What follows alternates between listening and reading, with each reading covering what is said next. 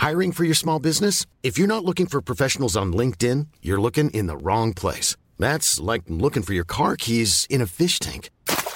LinkedIn helps you hire professionals you can't find anywhere else, even those who aren't actively searching for a new job but might be open to the perfect role. In a given month, over 70% of LinkedIn users don't even visit other leading job sites. So start looking in the right place. With LinkedIn, you can hire professionals like a professional. Post your free job on linkedin.com slash spoken today. Hey, I'm Ryan Reynolds. At Mint Mobile, we like to do the opposite of what Big Wireless does. They charge you a lot, we charge you a little. So naturally, when they announced they'd be raising their prices due to inflation, we decided to deflate our prices due to not hating you. That's right. We're cutting the price of Mint Unlimited from $30 a month to just $15 a month. Give it a try at mintmobile.com slash switch. $45 upfront for three months plus taxes and fees. Promo for new customers for limited time. Unlimited more than 40 gigabytes per month. Slows. Full terms at mintmobile.com. Ready to pop the question and take advantage of 30% off? The jewelers at BlueNile.com have got sparkle down to a science with beautiful lab-grown diamonds worthy of your most brilliant moments. Their lab-grown diamonds are independently graded and guaranteed identical to natural diamonds. And they're ready to ship to your door. Go to BlueNile.com to get 30% off select lab-grown diamonds. That's BlueNile.com for 30% off lab-grown diamonds. BlueNile.com.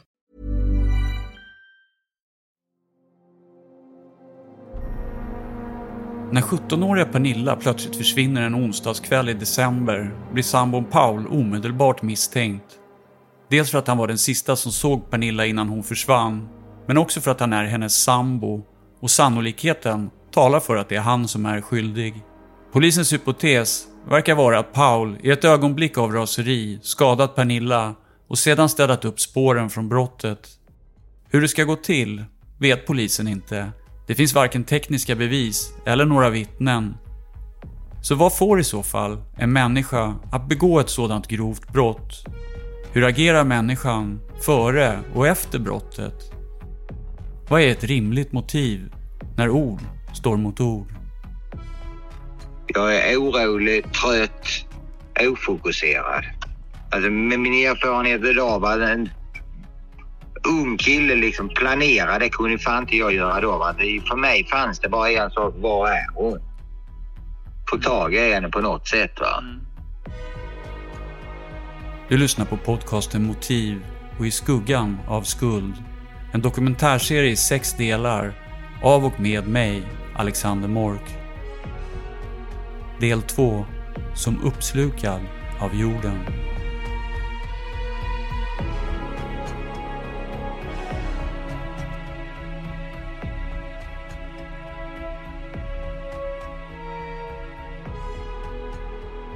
Sen så kommer du tillbaks till huset och du uppger Ja. att det är cirka 19.30. Vad, vad, hur, hur mår du då? Vad händer i ditt huvud? Vad registrerar du när du kommer tillbaks till huset? Mina funderingar på var hon ska ha tagit vägen är, börjar bli uttömda. Och, och orostankarna liksom att hon har, att hon inte är där, att hon är någon annanstans. Och min, min tanke, den, den, den kretsar ju hela tiden egentligen runt Mats. Och det är ju på grund av att hon, hon pratade med honom medan vi åt. Va? Under förmiddagen den 23 december 1991 har Pernilla varit försvunnen i 39 timmar när Kristianstadspolisen meddelar hennes sambo Paul att han är misstänkt för olaga frihetsberövande. Misstanken baseras på att han har lämnat motstridiga uppgifter i samband med att han anmälde Pernilla som försvunnen. Men varför polisen anser att Paul har lämnat motstridiga uppgifter går inte att utläsa ur förundersökningsprotokollet. Ja, det var det väl. Jag kan tänka mig eh, att det är mitt... Eh, jag, jag var ju inte mig själv. Liksom. Jag var orolig, nervös, ångestaktigt. Liksom att, ja, jag visste inte var hon var. Så det, det, det är klart att jag var i mitt sinnesfulla bruk, men ändå inte i mitt sinnesfulla bruk. Jag tror att det är det. Kristianstadspolisen är osäker på Pauls tidsuppgifter. En känsla som förstärks när man hör ett vittne som ger motstridiga uppgifter. Malin är fästmö till Pernillas bror Jonas och har i den egenskapen haft kontakt med såväl Pernilla som Paul då hon precis som Pernilla var 14 och ett halvt när hon träffade Jonas. Malin berättar för Kristianstadspolisen att Paul inte verkar ha varit hemma vid en tidpunkt som han har uppgett till polisen att han skulle ha varit hemma. Förhör med Malin 91 12 20 klockan 20.10. På onsdagskvällen den 18 december 1991 ringde Paul upp Malin vid en tidpunkt som ligger mellan 18 och 20.00. Paul ville prata med Jonas, men då Jonas inte var hemma bad Paul om att Malin skulle säga till Jonas att ringa då denne kom hem. Jonas, som gör militärtjänsten på P6 i Näsbyområdet i Kristianstad, hade kvällstjänst denna kväll och skulle sluta senast 19.30. När Jonas sedan kom hem till Malin runt 19.30 eller möjligen något senare berättade Malin om Pauls samtal. Malin uppger vidare att Jonas ringde upp någon gång mellan 20.00 och 20.30 men då svarade inte Paul. Det ser ut som att du inte är hemma under den här tidpunkten. Jag kan säga att det har inte ringt. Eller har det ringt när jag varit ute? För jag sprang ut och in hela jävla tiden i huset. Så han kan mycket väl ha ringt och jag har varit ute. Tankarna gick, allt, alla tankar gick i... De första tankarna gick inte liksom till att här är någon som har plockat upp henne och mördat henne. Det var inte de tankarna jag hade. Det var snarare liksom allt ifrån att hon hade gått vilse alltså, eftersom det är mörkt. Hon är inte ute normalt sett och går i skogen. Tills att hon hade eh, stukat foten, eh, ramlat, eh, de aspekterna. Va? Så jag var ute flera, flera vändor. Hela tiden alltså. Jag hade inte någon eh, ro att sitta egentligen stilla hemma och vänta liksom till att en telefon ska ringa eller någonting. Det fanns en liksom inte för mig. Va? Utan det, det, var bara det att jag måste eh, hitta henne eller få ett svar. Vad är du? Jag var ute flera vändor och sa till Tjaber sök, sök, sök matte, sök matte, bara matte. Timmarna passerar snabbt utan att Kristianstadspolisen eller några andra sökinsatser finner några spår efter Pernilla. Det är som att Pernilla har försvunnit från jordens yta. Pernillas föräldrar kommer tillbaks från en resa i Tyskland men de har inte heller hört något från Pernilla och de har ingen aning om vart hon kan ha tagit vägen. Pernilla och jag, vår om, om, omkrets med folk runt oss som vi träffade. Det var hennes mamma, hennes pappa, mina föräldrar. Jag hade inte några kompisar. Ibland, någon gång, enstaka gång träffade jag en kompis, Peter heter han. Du vet, alla våra kompisar egentligen försvann. Vi träffade liksom inte dem. Jag famlade själv. Jag tittade på vilka har hon runt sig. Hon har sin bror. Han har hon. Han är inne i militären. Han gör lumpen. Okej. Okay. Och sen gick jag vidare. Malin. Malin har hon ingen kontakt till. Jonas flickvän. Och sen visste jag, hon har en kompis, Caroline, där uppe. Mm. Okej. Okay. Det är den jag visste. Och sen visste jag, sen har hon sitt föräldrahem, det visste jag där. Jag visste att de var i Tyskland. Sen, sen var det stopp för mig liksom. Och sen, jag har två stycken arbetskamrater. Kristianstadspolisen fortsätter att tala med vittnen och de börjar ställa allt fler frågor som kretsar kring Paul och Pernillas förhållande. Hur var de mot varandra? Vad vet de om Paul egentligen? Förhör med Jonas 91 12 22 klockan 11.00. Jonas är bror till den försvunna flickan Pernilla. Han träffade Paul Wollmer för cirka 3-4 år sedan. Han kände honom då bara mest till namn och pratade med honom någon gång när de träffades i Fjällkinge. Något år senare kom de underfund med att de båda hade gemensamma intressen. De brukade då bland annat vara ute och fiska tillsammans. De träffades sporadiskt och Jonas märkte vid dessa tillfällen att Paul flitigt uppvaktade hans syster Pernilla, som då bara var strax över 14 och ett halvt år. Detta övergick senare till stadigt sällskap och att de båda förlovade sig strax därefter. Jonas fick själv sällskap på hösten i oktober 89 med en flicka som heter Malin. Jonas hade henne med hemma och Pernilla och Malin kände igen varandra som årskamrater från samma skola.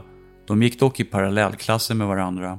Förhållandet mellan Pernilla och Paul verkar under tiden som led att ta mycket fasta former. Han uppvaktade henne flitigt och köpte massor med presenter till henne. Jonas förundrades över hans uppvaktning samt att han hade råd till detta. Jonas har också fått den uppfattningen att det var Pauls föräldrar som stöttat honom ekonomiskt. Jonas har fått den bestämda uppfattningen att Paul är en mycket envis person. Har han en uppfattning om en sak går det svårligen att rubba på denna. Jonas berättar vidare att han i september månad blev uppringd av Paul. Han ville då att Jonas och Malin omedelbart skulle komma upp till Basköp. Han berättade då i telefonen att Pernilla ville flytta därifrån. Han sa att han var helt förtvivlad. När Jonas kom upp verkade Paul hängig och sjuk.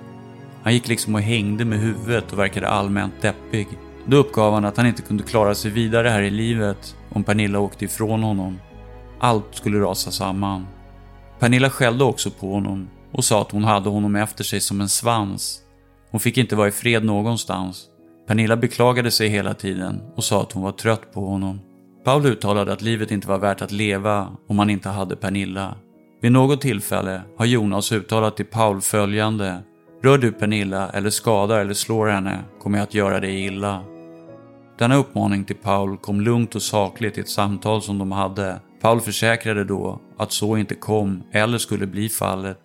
Han älskade Pernilla överallt på denna jord och skulle inte på något sätt kunna tänka sig att skada henne. Jonas har hela tiden han känt Paul Wollmer trott att det är någon han kan lita på. Dock har han inte uppfattat honom som någon speciellt stark psykisk person. Hans sinneslag verkar stundtals vekt och han kunde många gånger vara ångerfull. Jonas fick den uppfattningen att det var riktiga känslor som han visade. Dock fick han en del tvivelsmål sedan bråket i september. Jonas har inte vid något tillfälle hört att Paul skulle ha burit hand eller fysiskt skadad Pernilla. Han tillägger att hon i så fall inte skulle ha talat om det för honom heller. Jag hade aldrig liksom, eh, aldrig handgemäng. Jag fick eh, aldrig handgemäng mot varandra även när vi hade liksom diskussioner. Det var aldrig några vilda diskussioner heller utan det kunde vara en, diskussion, liksom en diskussion liksom att hon sa vi måste handla det. Nej, men vi kan inte handla det. Vi kan inte göra det nu. Det är så här mycket lån. Så här mycket ska vi ut med. Ja, hur mycket har vi? Ja, jag har så här mycket. Ja, men det fattas det så mycket. Hur ska vi lösa det? Mm. Jag måste prata med min pappa. Min pappa gick in med rätt mycket pengar. Mm. Så varje gång vi kom liksom i ekonomisk eh, knipa, då gick jag till min pappa. Mm. Så han hjälpte ju till väldigt många gånger alltså och gav mig, alltså det hette lån, men han sa ju samtidigt att du får de pengarna. Mm. Räntan på denna tiden på huslånen var väldigt höga. Va? Vi hade, jag hade ända upp till 17,5 procents ränta. Va? Och då kan du ju tänka dig resten, alltså allting, alla pengar som vi fick in, jobbade in, det gick ju till huset. Det blev ju ingenting kvar. Det fanns ju ingen konsumtionspengar överhuvudtaget kvar, inte ens för att gå och köpa ett par skor eller en pizza. Eh, så att, eh, men vi, vi diskuterade, det var aldrig någon snack, någonting liksom att hon i ilska eller när vi inte eh, hade diskussion att jag tänker lämna dig eller jag tänker flytta hem nu eller det får vara bra nu. Ingenting sånt. Och, och, det, det som hon var orolig liksom, det var ju det liksom att hon skulle liksom att vi skulle behöva sälja huset och att hon måste flytta hem igen. Inga vänner, grannar, kollegor eller föräldrar som polisen inledningsvis förhör misstänker att Paul har gjort någonting mot Pernilla. Ingen har någonsin sett honom bli arg eller vara aggressiv. Inte egentligen. Han är lite mesig, vek, klagar på astma och svagt psyke. Något som flera vittnen berör är att Paul har två skjutvapen hemma men det finns samtidigt inga vittnen som har hört några skott under kvällen när Pernilla försvann. Så det är oklart om det är relaterat till hennes försvinnande eller om polisen söker efter något våldsamt i Pauls beteende. Något som kan förklara varför han skulle ligga bakom Pernillas försvinnande. Paul är arbetslös och han skjutsar Pernilla till och från jobbet varje dag. Flera av Pernillas väninnor återkommer till brodern Jonas beskrivning av Paul som svartsjuk och överbeskyddande. Många upplever att Paul vakar över Pernilla, att de inte själva skulle stå ut med en sådan bevakning. Att Pernilla aldrig var någonstans själv. Sen är det ju självklarheten liksom är ju så här att det, och det har jag försökt förklara för dem att eh, jag älskar henne och det är klart att jag har körkort, hon har inget körkort, hon är inte ens myndig så att hon får ha körkort. Det är självklart att jag ställer upp och skjutsar henne dit hon vill. Sen om det ses som att man är eh, efterhängsen, eh, kontrollerande, you name it. Ja, det kan det väl kanske göra, men det var ju mitt sätt liksom att visa liksom att jag skjutsar dig så slipper du ta buss eller eh, vad det än är. Va? Så det, det där det, det liksom när hon försvann liksom i, i det här, eller vår, vårt förhållande överhuvudtaget. Det var aldrig liksom liv och bråk eller någonting eh, hemma. Hon var väldigt stillsam uh, tjej alltså. Om Paul är skyldig så kan det finnas viktiga pusselbitar bland det som kommer fram om Paul och Pernillas förhållande. Om Paul är oskyldig så är det däremot irrelevant information och mer en ögonblicksbild av deras förhållande precis innan Pernilla försvinner. Men jag tänkte på när, när, när Pernilla, alltså på natten så ringer du till hennes väninna Caroline vid ett på natten och ni pratar i liksom en och en halv timme. Jag hade inte pratat med många år innan med henne liksom eftersom det är Pernillas vän. Va? Så eh, tänkte jag om, om hon hade någon upplysning, om jag kunde få någonting, om jag vet, om hon hade tagit kontakt med henne. Ja, allt. Mm. Där är vi. Men jag tror inte, det var absolut inte så länge som hon påstår att vi pratar. Mm. Det tror jag inte. Mm. Jag tror snarare en 25-30 minuter kanske. En intressant detalj som polisen undersöker är ett brev som Pernillas bästa vän Caroline tar upp i sitt vittnesmål. Förhör med Caroline, 91 12 23, förhörsledare, kriminalinspektör O 12. Caroline och Pernilla har varit kamrater sedan de började i första klass och gick i samma klass fram till femman. I sjätte klass gick sedan Pernilla i Fjälkinge skola. Caroline och Pernilla har allt sedan dess varit kamrater och umgåtts mycket och som Caroline säger, hon var Pernillas bästa kompis. Pernilla hade också skrivit och berättat för Caroline att ynglingen som hade uppvaktat henne med kort och blommor hette Paul och denne Paul hade hon träffat åtskilliga gånger eftersom att han var kamrat med brodern Jonas.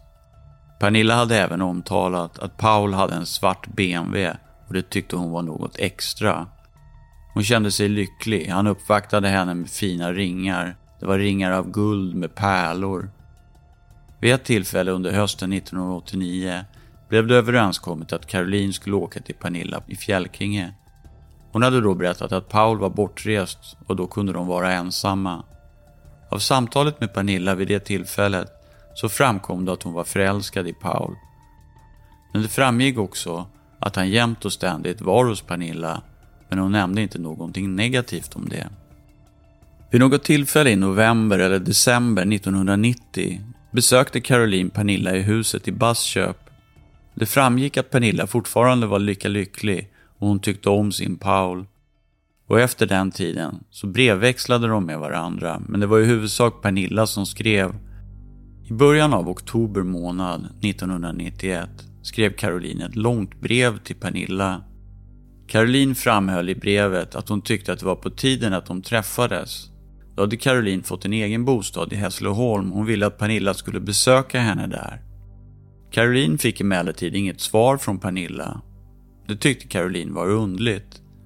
Därför att Pernilla brukade alltid vara mycket snabb till att svara på ett nytt brev.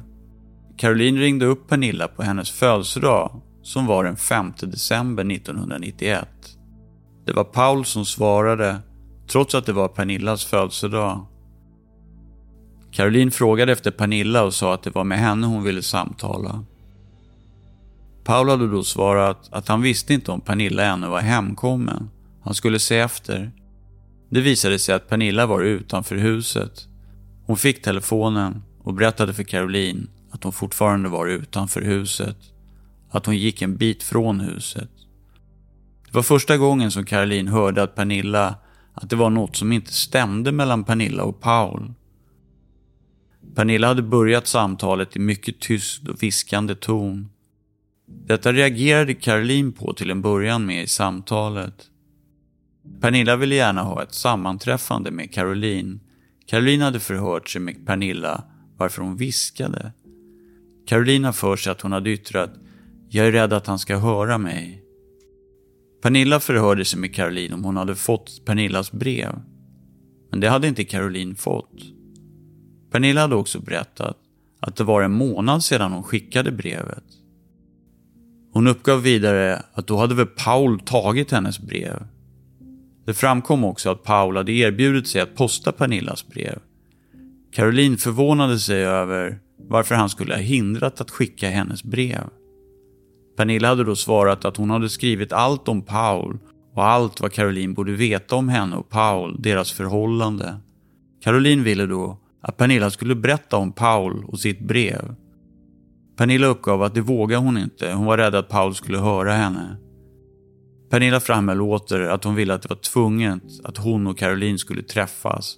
Hon hade berättat att hon upplevde honom, hon tyckte att han var konstig, han ändrade på allting så att det skulle vara till hans fördel. Det bestämdes att Caroline och Pernilla skulle träffas helgen den 14-15 december. Lördagen den 14 december vid 18-tiden blev Caroline uppringd av Pernilla. Caroline hade då bråttom och det framhöll hon också för Pernilla. Pernilla hade uppgivit att hon gärna ville prata med Caroline. Vi måste prata med varandra. Jag vill berätta för dig. Caroline märkte att det var något viktigt som Pernilla ville berätta för Caroline. Pernilla hade framhållit att det inte var så bråttom med det hon ville prata med Caroline om och därmed menade Caroline att de kunde istället prata med varandra nästa dag, söndagen den 15 december. På grund av att Caroline kom hem sent på natten ringde hon inte upp Pernilla.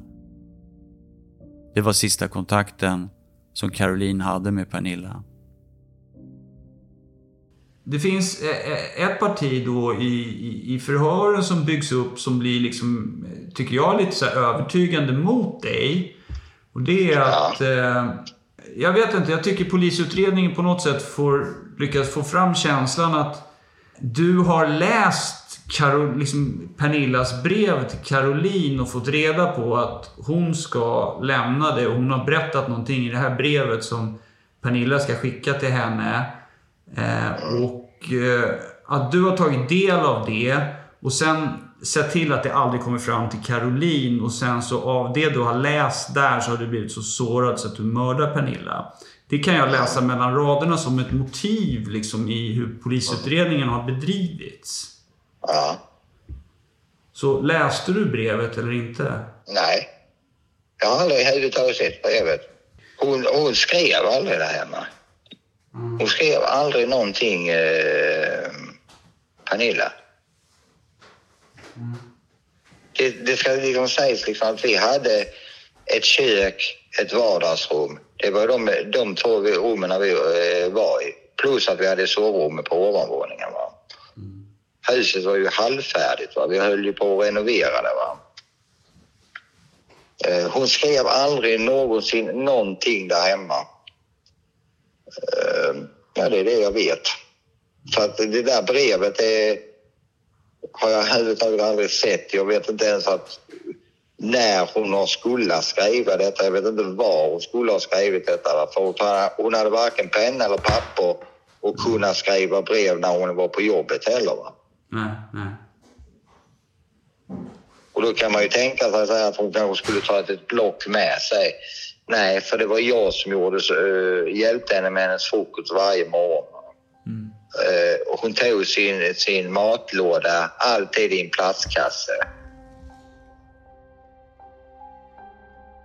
Paul har en helt annan uppfattning om det förlorade brevet. Kanske är det ingenting som egentligen är relaterat till Pernillas försvinnande. Men dels så säger Caroline att hon och Pernilla under en tid hade brevväxlat, så Pernilla bör ha skrivit brev. Något som Paul däremot inte verkar ha varit medveten om. Men det finns andra saker med brevet som jag vill få reda på.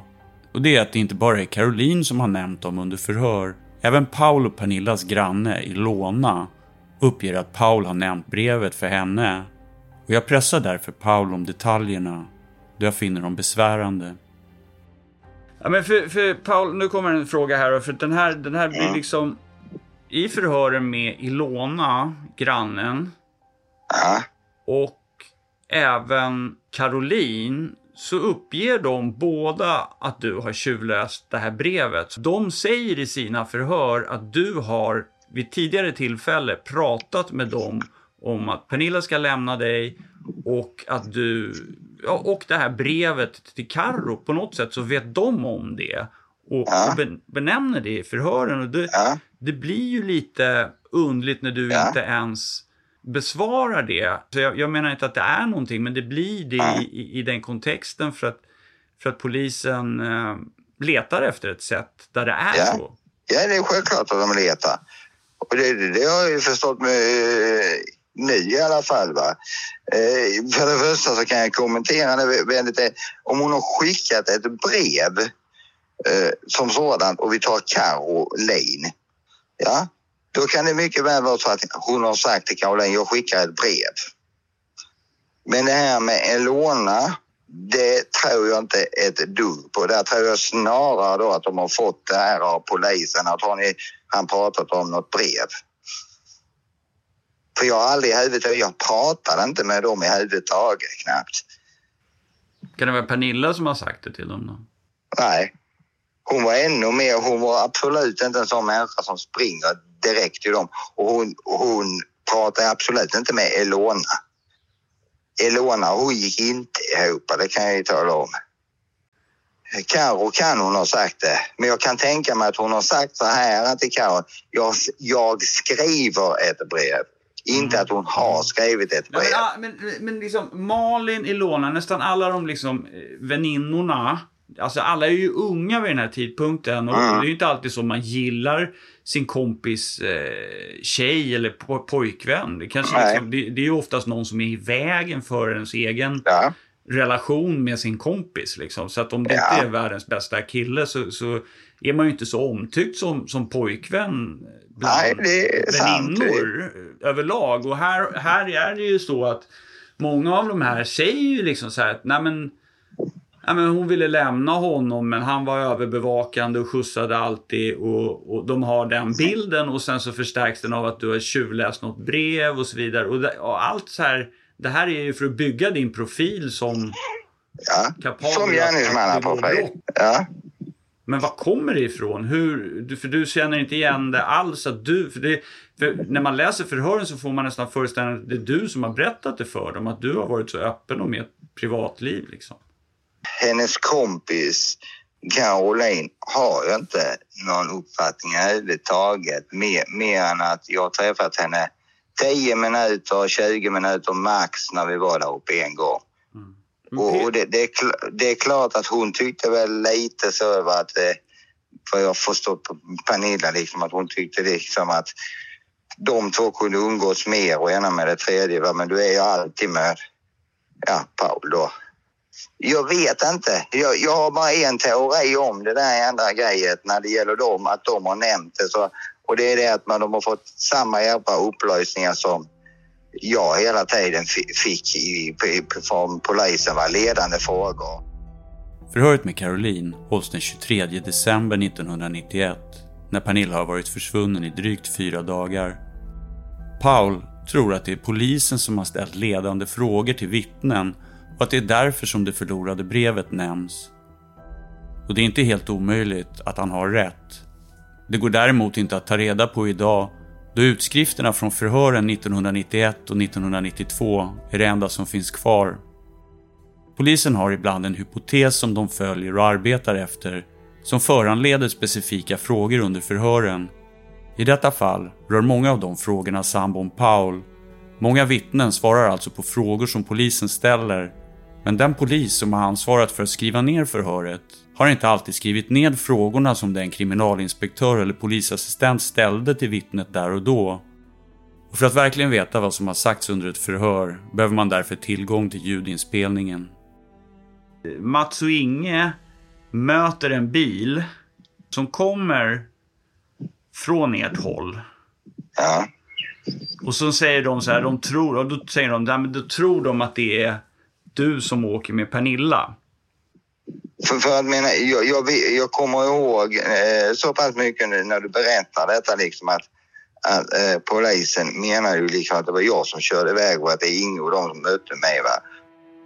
Innan vi går in på de förhör som hålls med Paul ska vi gå tillbaka till ett annat förhör som hölls den 19 december i slutet av det första kritiska dygnet för att se om vi kan få fram en exakt tid för när den 17-åriga Pernilla försvinner. Efter att Kristianstadspolisen tar upp ännu en anmälan om försvunnen person av sambon Paul klockan 15.50 så tar de senare på kvällen åter kontakt med Pernillas arbetskollega Mats. Han säger bland annat att han hör, det hörs som porslin som krossas men det är ju alltså bestickorna som hon, han hör när hon skär i sin korv och sånt där. Då, Ja, det vet du själv när man ska sticka igenom en grillad korv. Att tsch, slår ju den. Så det är det han hör. Va? Så att, Förhör med Mats klockan 23.50. Förhörsledare P.O. Nilsson. Mats uppger följande. Han känner Pernilla som en arbetskompis och brukar träffa henne vid något tillfälle under veckan. Företrädesvis är det då de har middag tillsammans. Mats känner Pernilla som en plikttrogen flicka och han har fått den uppfattningen att hon sköter sitt arbete till sin arbetsgivares belåtenhet. Han har vid flera tillfällen hört hur de fått beröm av Bengts hustru Margareta. Under första halvåret verkade Pernilla och Paul komma väldigt bra överens. Hon verkade positiv till allting. På senare tid har hon däremot verkat mer avvokt inställd till Paul. Hon har då bland annat sagt att han saknade jobb och var bekymrad för detta. Vid något tillfälle i höstas nämnde hon också att de skulle flytta isär. Mats fick den uppfattningen att det rörde sig om ekonomin som de inte klarade av. I tisdags så var Mats och Inge sysselsatta med en del arbeten på gården. De satt då alla tre tillsammans och åt både frukost och middag i lunchrummet på gården. Samtalet kom då in på att hon ville flytta ifrån Paul igen. Mats sa nästan närmast på skämt, men också på allvar. Är du hemma ikväll så kommer vi att flytta dig. Inge var också med på detta. Och Mats ville göra det på tisdagskvällen direkt. Emellertid kunde inte Inge då, så tidpunkten bestämdes till onsdag kväll. Under onsdagen arbetade Mats i verkstaden hela dagen och träffade inte Pernilla på arbetet. Mats ringde vid cirka 17.20-tiden ett samtal till Pernilla.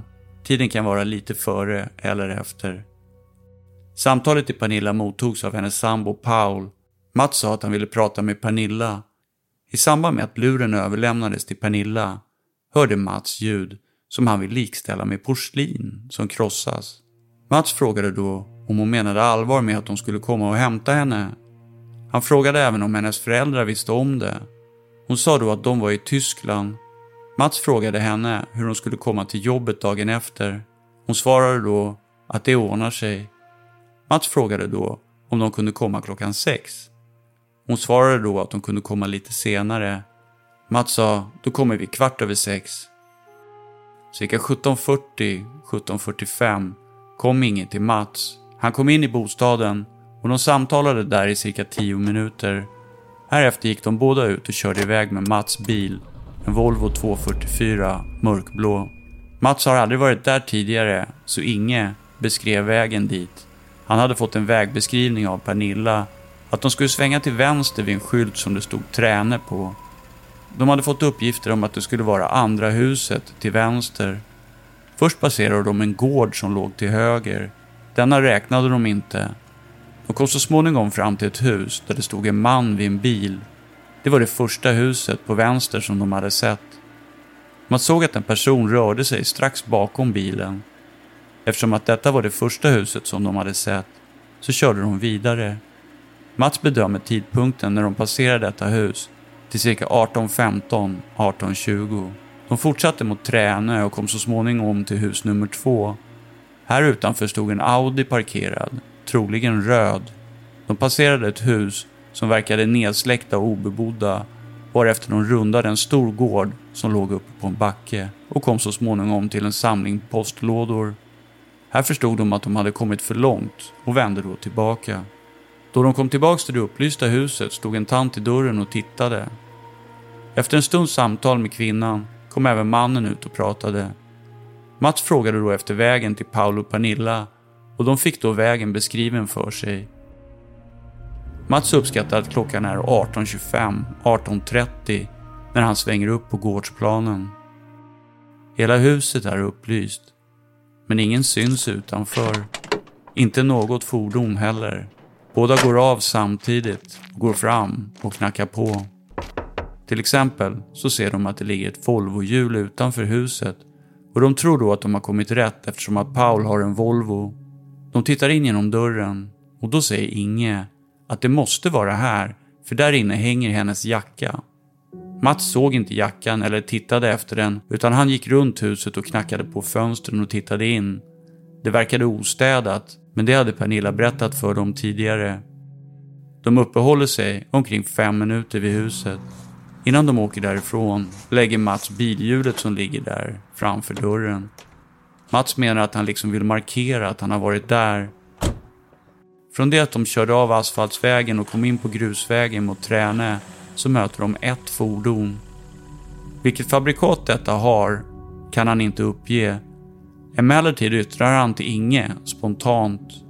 Nu åkte Paul därifrån med Pernilla. Mats är lite osäker om exakt var mötet skedde med detta fordon.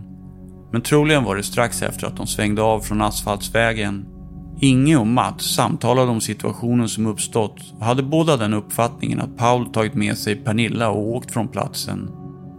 Mats uppskattar att de åkte från Paul och Pernilla vid cirka 18.30-18.35.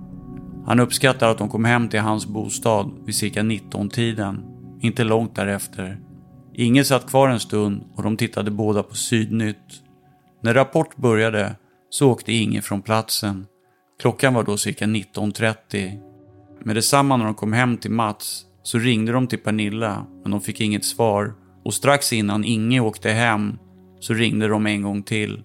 Men de fick inget svar då heller. Under fortsättningen av kvällen var Mats hela tiden hemma. Han gick och la sig vid cirka tio tiden. Idag på morgonen klockan 04.30 ringde Paul till Mats. Han ställde då en del frågor som gällde Pernilla om hon var hos honom. Han fick då ett nekande svar. Han ville då förklara samtalet dagen innan, då Mats ringde. Paul sa då att just som Mats ringde så låg de och älskade. Han nämnde också att Pernilla hade varit konstig och inte gick att känna igen. Hon hade glansiga ögon och ville älska efter maten med detsamma. Hon skulle även ha fått något slags anfall och slagit i instrumentbrädan i bilen Samtalet varade i cirka 20 minuter. Han frågade också vid ett par tillfällen vad Pernilla hade sagt om honom. Mats nämnde då endast att hon sagt att hon ville flytta därifrån. Paul nämnde även att Mats var väldigt inblandad i Pernillas försvinnande. Skälet för detta skulle dels ha varit Mats telefonsamtal vid 17.20-tiden. Förhöret avslutas klockan 01.50. Och då är det som jag sa, va? och jag tror ju bland annat i det ett av de tillfällena jag sa, men för Sören, jag har en gran i bilen och borde om vi för fan ha känt igen det. För jag hade en gran som satt rätt upp i rutan som lös alltid så fort man slog på bilen. Alltså det var ju manuell, den, den, den, startade alltid när du startade motorn så att säga, eller? Ja, ja. Mm. Slog alltid igång. Mm. Den var ju kopplad så att, eh, på tändningsgrejer så att eh, bara var att slå igång. Så den tändes så de hade känt igen. One size fits all seems like a good idea for clothes until you try them on. Same goes for healthcare. That's why United Healthcare offers flexible, budget-friendly coverage for medical, vision, dental, and more. Learn more at uh1.com. Many of us have those stubborn pounds that seem impossible to lose, no matter how good we eat or how hard we work out. My solution is PlushCare PlushCare is a leading telehealth provider with doctors who are there for you day and night to partner with you in your weight loss journey. They can prescribe FDA-approved weight loss medications like Wagovi and Zepbound for those who qualify. Plus, they accept most insurance plans. To get started, visit plushcare.com slash weight loss. That's plushcare.com slash weight loss. I'm Sandra, and I'm just the professional your small business was looking for. But you didn't hire me because you didn't use LinkedIn jobs. LinkedIn has professionals you can't find anywhere else, including those who aren't actively looking for a new job but might be open to the perfect role, like me.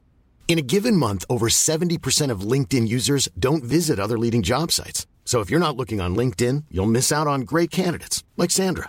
Start hiring professionals like a professional. Post your free job on linkedin.com slash spoken today.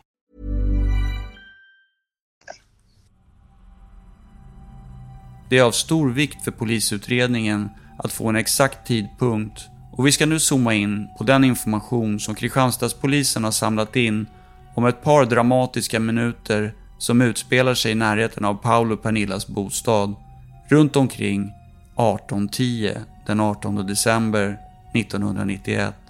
Jag, har, jag kan säga att jag såg henne när hon gick ut för sista gången. Då såg jag ju bara när hon gick ut ifrån dörren. Jag såg inte om hon vek neråt igen mot Bergsköpsvägen eller om hon gick uppåt. Alltså, vi hade en väg som gick förbi oss, alltså Bergsköpsvägen. Jag vet inte om du har ritningar på det där. Jo, kan inte, men kan inte du beskriva lite hur det ser ut? Alltså bara kortfattat. Jag vet ju då huset och sen så är det, det här lilla, Ja. så att säga, ut, eller ladan eller vad det ser ut som, på, som ligger längs vägen. Alltså, vi, vi har Bergsköpsvägen och det, den svänger ju precis utanför oss och den går ju från, från Träne. Om man börjar ända från Träne och sen svänger den ju vänstersväng eh, 90 grader nästan eh, vid vårt hus och sen fortsätter den upp till så att man kan svänga ner till Bockeboda och det Men hur långt är det upp till ditt hus från den vägen då? Från Bockebodavägen? Nej, från Bassköpsvägen där bilarna passerar. Från Bergsköpsvägen upp till mitt hus. Ja, om jag ska uppskatta det. 20-25 meter. Något sånt kan jag tänka mig. Kan vara något längre, kanske 30-35. Men vägen som går ifrån Bergsköpsvägen upp mot vårt hus, den leder bak. Den leder förbi vårt hus. Det är det. Så att hon har de tre vägarna att gå. Om Paul talar sanning så finns det alltså tre olika vägar som Pernilla kan ha gått när hon lämnade huset. Hon kan ha gått vänster mot Tränehållet, höger bort mot Bockebodavägen eller så kan hon ha tagit den lilla vägen som passerar bakom huset. Men det går inte, om man, man, om man kör bilen upp där, man kommer ingen vart då eller?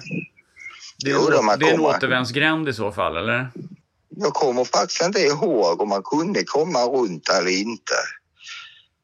Eh, Jag vet så pass mycket i alla fall att man kommer ju runt där för cyklar, som sådana som hade träningscyklar, sådana här terrängcyklar. De cyklar ju där förbi.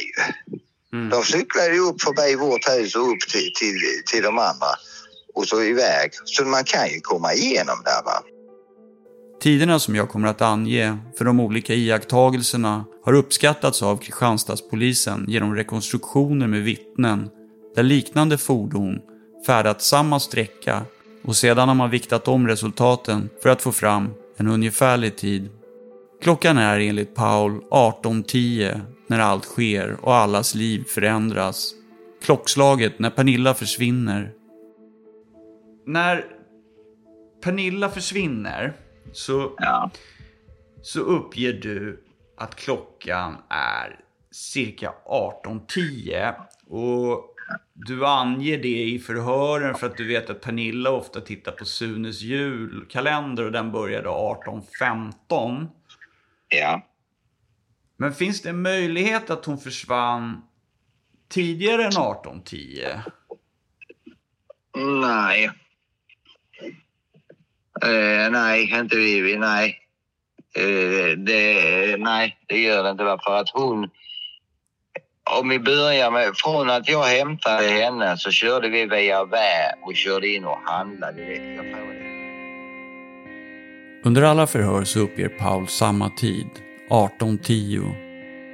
Och när han ska återberätta varför så börjar han nästan alltid från början av dagen. Men han kan aldrig riktigt säga exakt varför han är så säker på att det är 18.10. det är liksom tre, över 30 år sedan. Men jag har för mig när vi kom hem så, så satte jag på eh, makaronevatten. Och sen så gick hon och jag upp. Och sen kom vi ner och då kokade makaronevatten och då satte jag igång med allt det. Du, du säger så tydligt att det är 18.10 och du, efter, efter, att, efter att Mats har ringt, Pernilla går ut och röker och du ringer din pappa. Och då Ja. skulle klockan vara cirka 17.45, 17.50 eftersom han har bråttom och ska vara någonstans runt 18.00. Jag, jag vet att han skulle iväg, va? men jag vet inte vad, vad, vad de skulle. Va? Det kommer jag inte ihåg. Va? Det, Nej, men skulle på- vara där klockan sex tror jag står i förhöret med din pappa Sigvard. jag vet att han när jag ringde pappa så sa han du, jag är jäkta, jag, jag ska iväg och bla bla bla. Vi får prata sen. Pauls pappa Sigvard ska vara på ett möte klockan 18.00 och avsluta samtalet. Det anges ingen exakt tidpunkt för när detta sker, men om vi uppskattar att det åtminstone tar cirka 10 minuter att ta sig från hemmet till mötet så borde klockan nu vara någonstans kring 17.50. Men så berättar Paul något för mig som verkligen förvånar mig. Han är osäker på om det sker innan eller efter samtalet till sin pappa. Men det är en iakttagelse som knappt nämns i förundersökningsprotokollet. Som du säger, om jag har förstått det, så, så, så springer Pernilla iväg. Du ser henne genom ett fönster. Skulle du kunna beskriva för mig liksom hur det ser ut när hon springer iväg och tar sig ner på vägen? För när de gör någon rekonstruktion sen så säger de att det är så mörkt så man inte kan se det. Alltså jag ser inte henne men jag ser en cigarett. Man ser glöden. Ah. Det, det vi måste ponera att det, det är mitt ute i skogen. Det är december. Alla människor kör rätt ut i skogen och sätter vid den här tidpunkten så ser ni att det är kolsvart. Va? Tänder ni en cigarett och så håller ni den uppe eller du håller den vid munnen va? så lovar jag dig att du kommer att se glöden. Va? Mm. Anledningen, det ska väl även poneras varför hon sprang ut. Va? Det var efter samtalet med eh, Mats. Då ser jag och Pernilla en, en bil. Vi hör den ska jag säga först. Den backar alltså upp på vår uppfart. Alltså vi har en, uppfartsbit och just vid ett, ett ställe där går det, alltså då är det mottagning med mobiltelefoner. Det är liksom inte dagens telefoner utan det är ett liten, liten sträcka där på ungefär två, två och en halv meter som det är mottagning. Eh, man ser alltså bakljusen när de backar, den här personen backar upp med bilen. Va? Varav Pernilla direkt eh, liksom, jaha, nu är den jävlen här igen. Fan alltså, jag ska gå ut och säga till honom, han ska inte in här. För jag, och jag ville lägga mig i det och säga, men jag kan gå ut och säga till personen. Jag säger till Mats att åka härifrån. Hon var sån, eh, Pernilla, att hon sköter saker själv. Det är min arbetskamrat, då ska jag säga till honom. Då var hon väldigt bestämd. Så hon gick ut. Och jag tänkte, eftersom hon var, hon var irriterad, då hade hon börjat bli irriterad. Så jag tänkte bara, så jag satt kvar där inne och tänkte, nej men fan, nu kommer det bli liv där ute. Så jag gick ut efter Pernilla. Då hade hon alltså hunnit komma så pass långt ner. Hur långt ner hon hade kommit det vet jag inte för jag mötte henne för då var hon på väg upp igen. Och då säger hon bara, eh, bara så här, nej det var inte Mats, det är någon annan. Jaha. Okej, och då tänkte jag så här, okej det är någon annan, då får jag väl gå och kolla liksom vem det är. Och det är där jag står vid B-stolpen på den här, vägen den här röda Saaben som jag ser. Och där sitter en eh, sandrefärgad hår, en man då kammat bakåt, eh, vit skjorta, blåa byxor. Och, och sitter med ett A4-dokument liksom och tittar va, och pratar i telefon. Och bara sneglar lite snabbt bak på mig. Va? En tusendels sekund. Va? Men det är, jag tänker inte mer på det där, utan jag vänder ju samtidigt. Va? Jag tittar på han i 15 sekunder kanske och sen vänder jag och eh, går igen. Va? Vad är klockan Ja. nu? Har svårt att bedöma vad klockan var då. Jag vet att hon försvann 18 till. Den kan ha varit 17 45 kanske, någonting sånt där. Har du ringt din pappa innan, innan det här eller gör du det när ni kommer in efter det här? Har jag svårt att säga. Det kan jag inte. Det är fel av mig att säga ja, det är fel av mig att säga nej. jag Jag kommer, jag kommer inte ihåg det liksom, vilken ordning. Va? Vilket håll åker Saben åt när den försvinner sen? Det vet vi inte, för det, jag har ingen pejl på det. För att när, eftersom hon och jag konstaterar att den där Saaben, den har ju ingenting med... Det är ingen vi känner. Och, och jag fick uppfattningen direkt att det där är någon säljare äh, jävel eller någonting. Så jag, jag bryr mig inte om gammal, hur det. gammal var personen tror du uppskattar du? Ja, 30 till 40. Stor eller kort eller liten eller liksom? Svårt att... äh, Ingen kraftig person. Ingen kraftig person ska jag inte säga. Medel väl. Ja. man ska, man, man ska liksom veta liksom, jag tittar på han kanske i 10-15 sekunder. Va? Han hade taklampan tänd, så mycket kommer jag ihåg, inne i bilen för att, Men hade, hade Pernilla bråkat med honom? nej. Jag vet inte om hon överhuvudtaget hade sagt någonting eller han hade vevat ner rutan eller någonting. Eh, Det ve- vet inte jag. Jag mötte henne och då var hon ungefär 3-4 meter bakom bilen. Det är inte han, sa hon. Det är inte eh, Mats. Det finns flera vittnesmål från andra personer som befann sig i närheten av Paul och Pernillas hus och som beskriver vad som händer under de kommande minuterna ur sitt perspektiv. Det händer så mycket runt omkring vid den här tidpunkten. Inte bara i dina förhör utan även i andra förhör runt omkring då Mats och Inge, din granne och ett par som heter Hamiltons också som, som redogör för sina bilfärder liksom under den här kvällen där de figurerar i närheten av ditt hus och, och gör vissa iakttagelser. Förhör med familjen Hamilton. Fru Hamilton hade onsdagen 91.12.18 tillsammans med sin familj kört från Tränehållet klockan 18.05 med sin personbil av Saab 900 mörkblå till färgen. Längs vägen får fru Hamilton problem med något ljud från bakluckan och de stannar sin bil vid infarten till Paul och Pernillas hus. Fru Hamiltons 16-åriga son sitter till höger bak i familjens bil och han iakttar en bil parkerad med motorn igång när han går ut för att undersöka bilens bagageutrymme. Klockan är nu cirka 18.13 till 18.15. Bilen stod parkerad på gårdsplanen som är mellan huset och uthuset. Han tror att det är en Volvo 240. Ljuset var påslaget, bilen var smutsig. Han tycker sig vilja minnas att den var brun till färgen. Han kan inte erinra sig om bagageluckan är stängd eller öppen. Sonen bär en orangefärgad anorak med kapuschong över huvudet och medan han är ute och ordnar med bagageutrymmet kommer det en bil och passerar förbi dem. Bilen kom från Bockebodavägen. Enligt fru Hamilton, som sitter kvar i bilen, är bilen en mindre modell, förmodligen ljus i färgen. Inte någon form av herrgårdsvagn, ej heller någon större Volvo-bil. Inte någon Saab-bil, utan det var en bil av en mindre modell.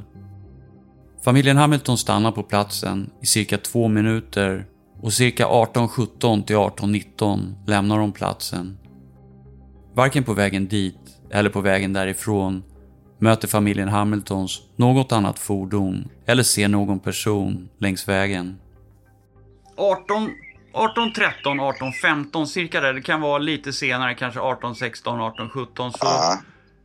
så stannar ju de här familjen Hamilton till. Eh, och de gör ju det så att säga så att de kör upp lite på uppfarten till den här vägen då. Baserat på de olika vittnesmål vi hört verkar det rimligt att det är fru Hamiltons son som håller på med bakluckan som Mats och Inge ser när de kör förbi Paolo och Pernillas hus första gången. Båda nämner att de ser en person som står vid en bil på Paolo och Pernillas uppfart i något klädesplagg som de uppfattar som rött och, då, och då går sonen ut och fixar med bakluckan. Och han upplever att bilen är en Volvo, men att den är brun och smutsig. Där är alltså 18... Jag vet inte, säg mellan 18, 13, 18, 17 om vi begränsar det ungefär och så. Fru Hamiltons son har vid tillfället en orange jacka på sig. Han står vid en mörkblå Saab 900 som Mats och Inge uppfattar som en mörk halvkombi när de passerar. Men vad är det för bil som både fru Hamilton och hennes son ser längre upp i backen? Det är inte Pauls silverfärgade bil, utan den beskrivs som brun. Och du säger ju att du lämnar huset 18.20 så du har inte ens kommit ut till din bil vid det här tillfället. Så då Nej. tänker jag med att den de ser är samma person som du har sett tidigare. Ja. Ja. Kan, kan du, kommer, minns du någonting mer av håret på mannen? Du sa att det var sandréfärgat ja. Bakåtkammat. Eh, den där frisyren han hade var lite längre i, i, i nacken. Ä- inte ovårdat, men alltså du vet, man lite längre i nacken och så bakåtkammat. Den där, den där frisyren, man kallar den där frisyren någonting. Jag, kommer, jag, jag kan se frisyren med framför mig för att den var populär när jag var lite yngre dessutom. Va? Så när man var och klippte sig så hade, kommer jag ihåg barberaren som jag ja, klippte med oss, han hade just en sån där Men så här, tjeckisk hockeyfrilla eller nej? Ja, hockeyfrilla. Jag tror de kallar den hockeyfrilla, ja. Ja. Nu när du säger det. Hur hur lång tror du han var? Skulle jag uppskatta honom så kan han ha varit en och... Ja... Min längd kanske något längre. 1,75 kanske. När och hur Pernilla försvinner är helt avgörande för att kunna finna henne. Och baserat på de olika tidsangivelser som de olika vittnena anger så utkristalliseras två alternativ som allt mer sannolika. Om Paul är skyldig och ljuger för polisen så bör han ha gjort något mot Pernilla innan hon, som han uppger, lämnar deras hem klockan 18.10. För efter den tidpunkten finns det vittnen i närheten som borde ha registrerat Pernilla. Om Paul istället talar sanning och är oskyldig så kan någon annan som befinner sig i närheten vara den skyldige. Ja, det är det, det jag vet. Sen när jag kom upp då hade hon liksom förändrats. Hon var, hade inte lugnat ner sig. Hon var stressad. Uh, för hon tyckte väl att jag la mig i lite för mycket saker eftersom jag propsade på att jag kan gå ner och säga till i bilen, liksom Mats i bilen. Det skulle jag inte göra. Det var liksom hennes sak. Sen hade hon och jag en diskussion där i princip när hon kom upp ifrån den här bilen. Va? Efter det hade hon och jag, det, hur många minuter, men det gick inte många minuter. För när jag kom upp så sa jag det, vad är det du... Jag hade liksom det mentaliteten, vid denna tidpunkt så hade jag den mentaliteten liksom att man är rak liksom. Så att jag sa till Pernilla när jag kom upp att jag hör ju att du är irriterad och, eller stressad, sa jag. Var, varför, varför, varför detta? För att dina arbetskamrater ska komma hit. Då sa hon så här att ja, jag är med barn, sa hon. Jaha, sa jag. Och då flikade hon över på det helt plötsligt. Bara liksom börjat med, jag vet vad det innebär. Jag kommer vara svarta fåret. Du vet vad mina föräldrar eh, säger att man ska ha sex innan man är gift. Men ta det lugnt. Jag tar väl mitt fulla ansvar. Jag får väl åka och prata med din mamma och din pappa. Nej, det gör du inte. Nej, det får vi lösa. Ja, men då får vi gå och göra aborter, sa jag. Det är inte mer med det. Men nej, det skulle hon inte, utan det skulle hon föda det barnet. Ja, då sa jag ja. Men det är bara att vi åker ut och berättar detta för dina föräldrar. Det är bättre det än att de helt plötsligt bara ser en mage. Och eh, det där, det eh, det är ord som jag ångrar än idag. Va? För den sista meningen som jag avslutar med så sa jag att Pernilla, jag skiter vad du säger i det avseendet. Jag kommer gå ut, jag kommer köra ut till din pappa och din mamma och berätta att du är gravid och jag kommer ta mitt fulla ansvar, sa jag.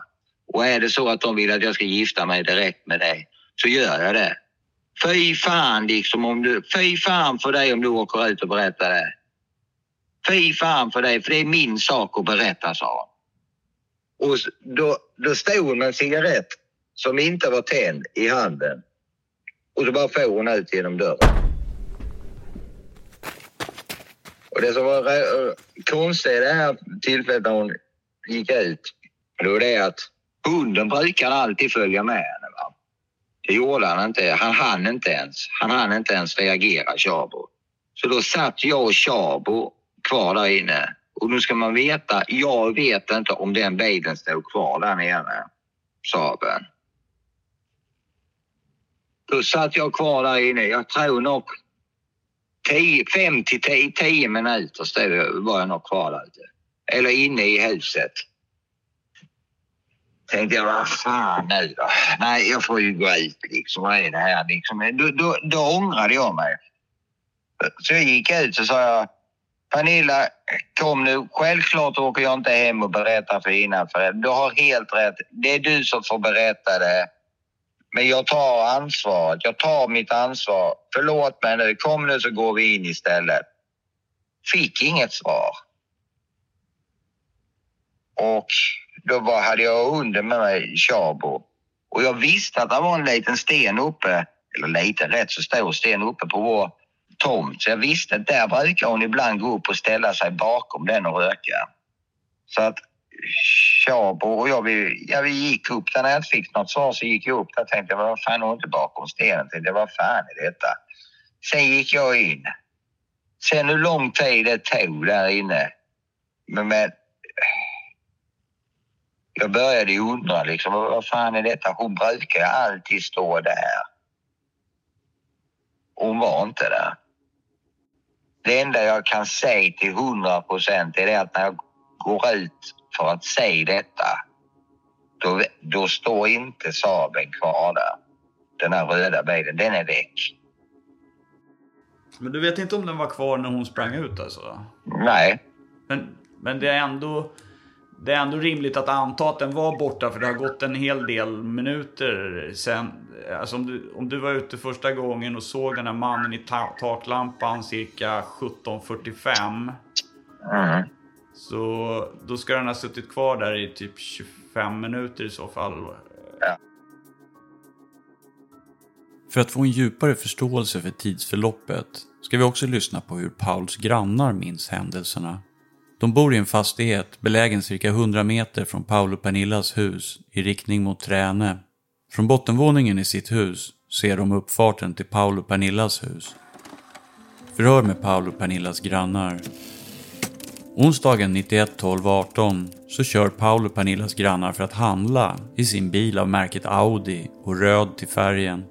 Vid 16.15, 16.20 så kör de ut från sin fastighet på Bassköpsvägen i riktning mot Bockebodavägen. Där möter de Paul och Pernilla. Det var Paul som körde bilen, en Volvo 240 Turbo Silver Metallic. Paul har en liten miniatyrhjulgran på vindrutan fram och den var tänd. Troligen har Paul något fel på bilens avgassystem. Bilen avger ett mycket högt ljud och så var också fallet vid mötet. Grannarna återkommer till sitt hem vid cirka 18.15, 18.20 tiden. De mötte inte några fordon eller personer, vare sig gående eller cyklandes. Och de är nästan säkra på att Pauls bil stod hemma hos honom. Det var tänt hos Paul både i köket och vardagsrummet. Cirka 15 minuter senare, alltså 18.35, observerar de att det kommer en bil på Bassköpsvägen från Bockebodavägen. Bilen kör sakta och stannar i höjd med Pauls infart. De fick uppfattningen att bilen svängde över vägen och att den stannade in vid uppfarten till Pauls hus. Ljuset från bilen belyser först granen längst till vänster om huset med sina strålkastare. Sedan släcks de och endast parkeringsljuset är tänt. De ser inte om någon lämnar bilen eller om någon dörr eller bagagelucka öppnas. Bilen höll vid infarten högst några minuter. Sen ser de att bilen startar och att den passerar förbi deras fastighet i riktning mot Tränä. De tror att bilen var av märket Volvo 740. En ljus färg och den hade extra ljus som satt fram och nere i spoilern. De fick den uppfattningen att bilen passerade deras fastighet ganska fort. Du, du säger så här, jag, först går du upp till det där stället och kollar bakom huset med hunden. Ja. Sen måste du alltså då, vadå, stoppa in hunden i stugan, låsa, Ja. gå ner till bilen. Ja. Gör du något annat eller sätter du dig direkt i bilen och sen kör iväg? Och, Eh, Ja, jag, eh, jag, jag, kan, jag kan säga så här. jag- Jag minns inte exakt om jag gjorde någonting annat. Om jag typ kissade eller tog någonting annat med mig. Eller någonting. Jag kommer ihåg i stora drag. Jag tog han där, Chabo in med dig. Och sen så satte jag mig i bilen och backade ner. För vi hade en liten väg upp till huset. Va? Man får backa ner där. Backade ner där och sen körde jag ifrån sakta för att kolla om jag kunde se henne. Och då körde jag mot Bockeboda. Inte mot Träna utan mot Bockeboda. det är mot Fjälkinge också i så fall, hennes föräldrars hus. Eller om hon skulle liksom. Ja, man kan ju... Ja, det, det är mot Bockeboda. Då kommer man ju ner sen till och sen kan man ju ta motorvägen. Men man behöver inte köra ända ner till Väv heller för att komma ut på motorväg för att ta sig till Fjälkinge. Möter du några bilar på vägen när du kör den riktningen? Ja, jag möter en bil. En bil möter jag. Ungefär var liksom på vägen från, från ditt hus? Hur, hur lång tid kan uppskatta det ungefär? Eh, då hade jag kört hela grusvägen och den är nog en kilometer kan den nog vara. En, en och en halv kilometer. Jag kom precis upp på, på asfalterade vägar där man svänger höger mot Bockeboda. Jag hade nog kört där ungefär 300-400 meter, 500 meter kanske. Mm. Och då möter jag en sedan. Som vi hörde tidigare i ett vittnesmål så uppgav Paul och Pernillas grannar att Pauls bil stod på tomten när de kom hem. Kanske är det ingenting, men jag reagerar på en detalj i grannens vittnesmål.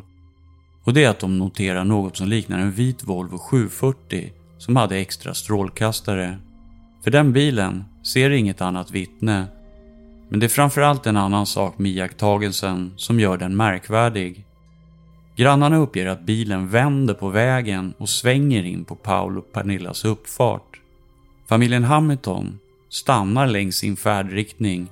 Mats och Inge passerar, vänder längre bort längs vägen och återkommer. Inga av de bilarna saktar in vid Paul och Pernillas hus, vänder bilen och stannar. Vet inte vilket märke eller... Uh, jo.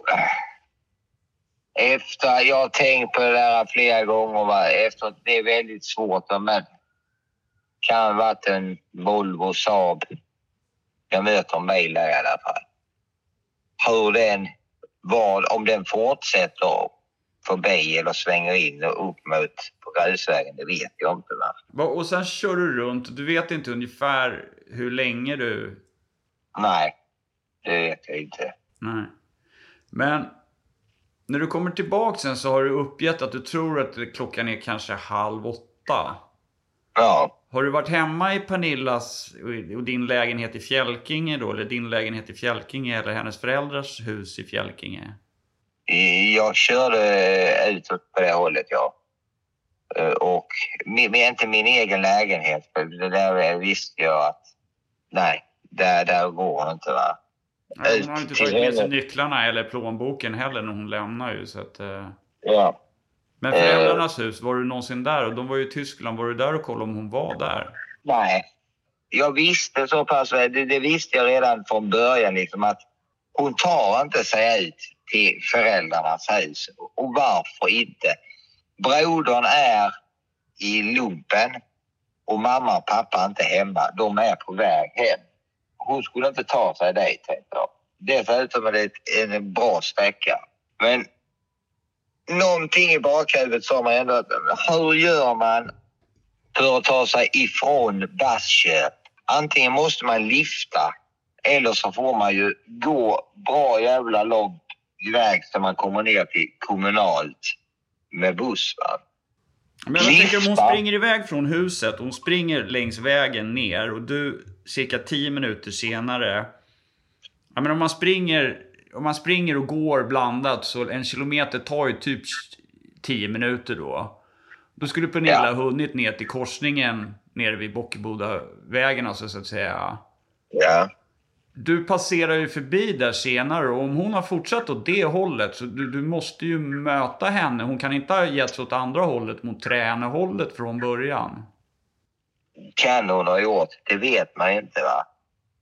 Det som har jäckat mig hela tiden det, det är precis det du själv säger va? att den tiden det tar för henne att gå hon måste vara ungefär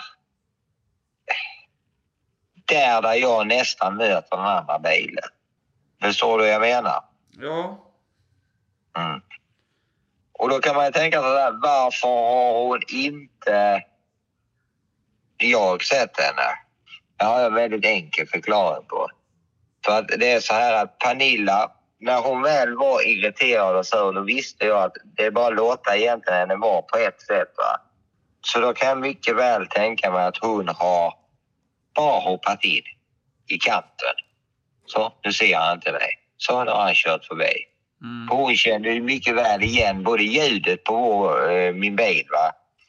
Eh, det var ett här sportavgassystem på den. Va? Så att den mullrade lite mer än mm. normalt. Så jag kör men tror du inte alltså, om hon rusar iväg förbannad, varför skulle hon fortsätta liksom gå i kolsvart mörker där? Hon borde ju tycka liksom, fan nu räcker det att vara arg och, och, och, nu hör jag bilen, då hoppar jag in i den, eller? Ja, det, det är nog snarare så här att det, det, är rätt som du säger va? att man kan tycka liksom att nu har jag varit förbannad tillräckligt. Va? Men samtidigt så hon visste ju mycket väl att om jag nu säger att jag hade sett henne här nu på vägen och så stannat och så sagt till henne, hörru, kom nu här liksom. Det här är bara tramsigt. Kom nu så åker vi tillbaka va. Så hade inte hon det är lite ett nederlag om du förstår. Va? Då hade hon vet hon att hon hade fått en följdfråga av mig. Och det, det är klart att den följdfrågan hade givetvis blivit vad fan springer du iväg för? Det här är liksom, vi löser situationen och så hade jag dragit upp detta med barnet igen och ena med det tredje att hon var gravid och ena med det tredje. Va? Och det kan jag mycket väl tänka mig att jag kan tänka mig, jag vet att hon är sån som, eller var sån som människa. Va?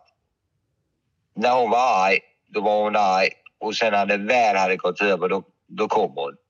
Det var när hon var mogen. Liksom. Det, det var på hennes initiativ. Okej? Okay? Och då kunde hon säga förlåt, så det, det, det var egentligen det jag kan tänka mig då, om hon var där. Att hon har hoppat åt sidan, låtit mig passera och tänkt, tänkt lite att ja, den jäveln han kan vara orolig eller söka efter mig. Och sen vet jag inte om det är så, då har hon kanske vänt där och gått hemåt. Jag vet inte. Ja, och sen hade vi en fallfärdig eh, ladgård som inte var vår men den låg rätt över vägen. Var inne och kollade där så att hon inte var satt där inne eller höll sig undan där. Va? Och så skrek hela tiden. Pernilla, var är du? Vad är det? Kom fram nu. Förlåt, förlåt, jag ska inte säga någonting. Hela tiden den meningen. När du går ut med hunden, Tjabo då klockan nio och ni promenerar liksom samma väg där som du såg cigarettglöden röra sig mot. Ja. Eh, vad, då, då spårar ju Tjabo lite och du får lite känslan av att han spårar Pernilla liksom. Så om vi ponerar att det är det han gör sådär, var...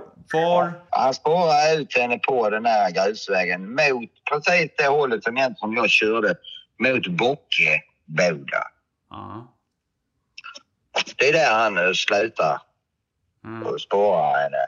Och det är ungefär, han spårar ungefär som jag minns det så spårar han ungefär fram till vår tomtgräns där. Så han spårar väl henne ungefär 30 meter. Nej, men för, jag, när jag tittar på tids, tidsförloppet liksom, med allting som ja. händer.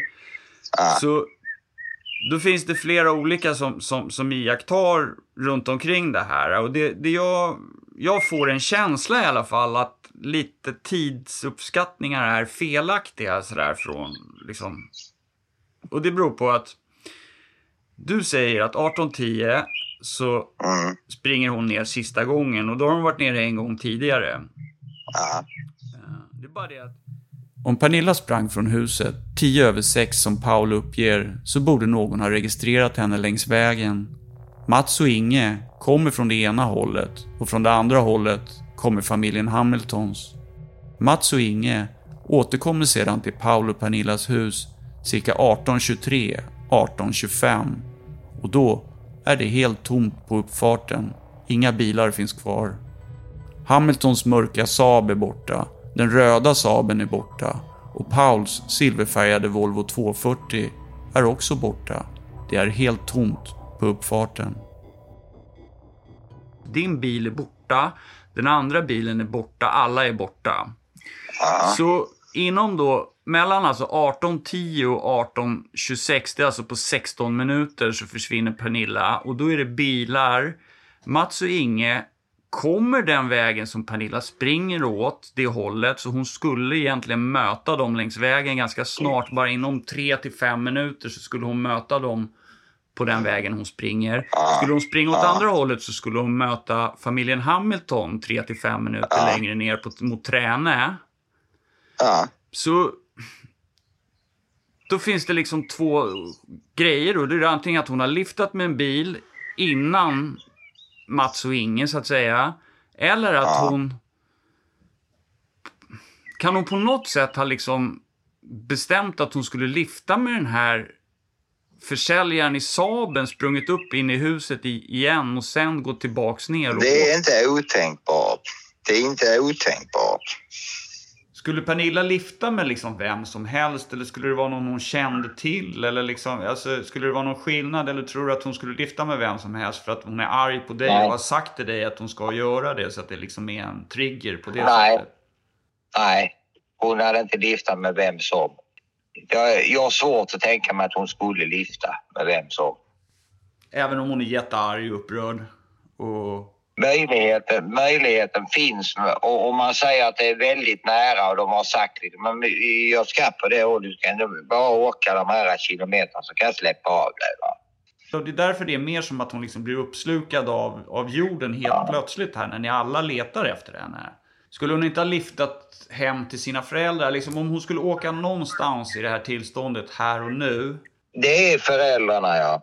Är största sannolikt föräldrarna. För i så fall så borde hon ju egentligen ha liftat med en bil som körde åt andra riktningen än den bilen som du mötte, eller hur? Alltså i samma riktning som du åker egentligen, bara att någon annan har plockat upp henne lite framför dig nu. Nej, det, det, det, det behöver det inte för att kör man det hållet som den bilen kom, då kör man man kommer rakt ner till Träne. Så att när vi körde till hennes föräldrar så körde vi bägge hållen. Det som är intressant om man skulle säga så, va? Så är det egentligen det, det hållet. Sen du kan ju svänga av där sen mot där man sen hittade Helen. tror jag. Det var väl på det hållet de hittade henne. Man svänger om mot Tollarp eller vad? Ja, ja, jag tror att man kan svänga av det. Jag vet inte exakt var man hittar henne, men jag har för mig så pass mycket som jag läst Man i kan åka till. Hässleholm där bakvägen eller vad? Nej. Ja, ja, det kan du göra via Tränehållet. Då åker du till Hässleholm hela alltid. Då åker man det hållet. Då, åker man, eh, då kör man småvägar i princip. Men småvägar, småvägar är ingen e- e-väg om vi säger så. Va?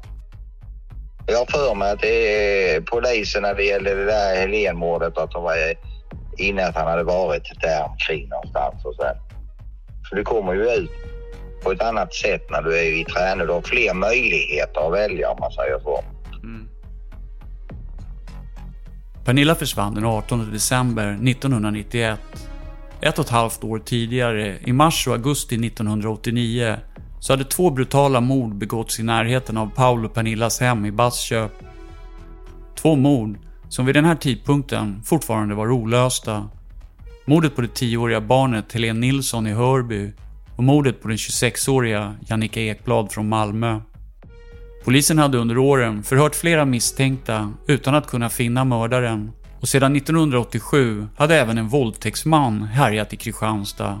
11 våldtäkter och våldtäktsförsök hade begåtts under en kort tid och åklagare Kaj Larsson och Kristianstadspolisen gick ut och manade kvinnor till försiktighet. Jag har talat med många personer som bodde i trakten under de här åren och de vittnar om att man under en lång tid låste dörrar extra noga på kvällarna och föräldrar skjutsade sina barn till träningar. Många ungdomar växte upp med en rädsla för att mördaren skulle slå till igen. Att de skulle kunna bli hans nästa offer.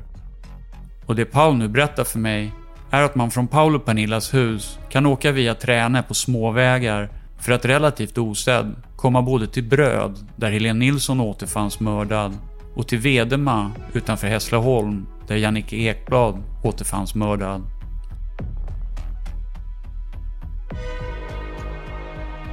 Du har lyssnat på andra delen av I skuggan av skuld. Jag gillar i alla fall liksom, att, att du även ställer mig liksom mot väggen och lite, eh, ja, vad ska jag säga, inte hård men hård ändå om du förstår vad jag menar. Nej men jag måste göra det just av den anledningen Jag tycker om det. Att, att, Men jag, jag, jag gillar det va, för att det är som en, min egen pappa uppfostrade mig med rak ärlighet, bara rakt fram, så här, så här. Det här det talar liksom för dig, det här det talar emot dig. Vad har du att säga där? Papp, papp, papp, papp. I skuggan av skuld är en serie i sex delar, producerad av Alexander Mork. Exekutiv producent är Nils Bergman. Förhandslyssna på hela serien redan nu via Motiv Plus. Följ länken i avsnittsbeskrivningen. Tack för att ni lyssnar.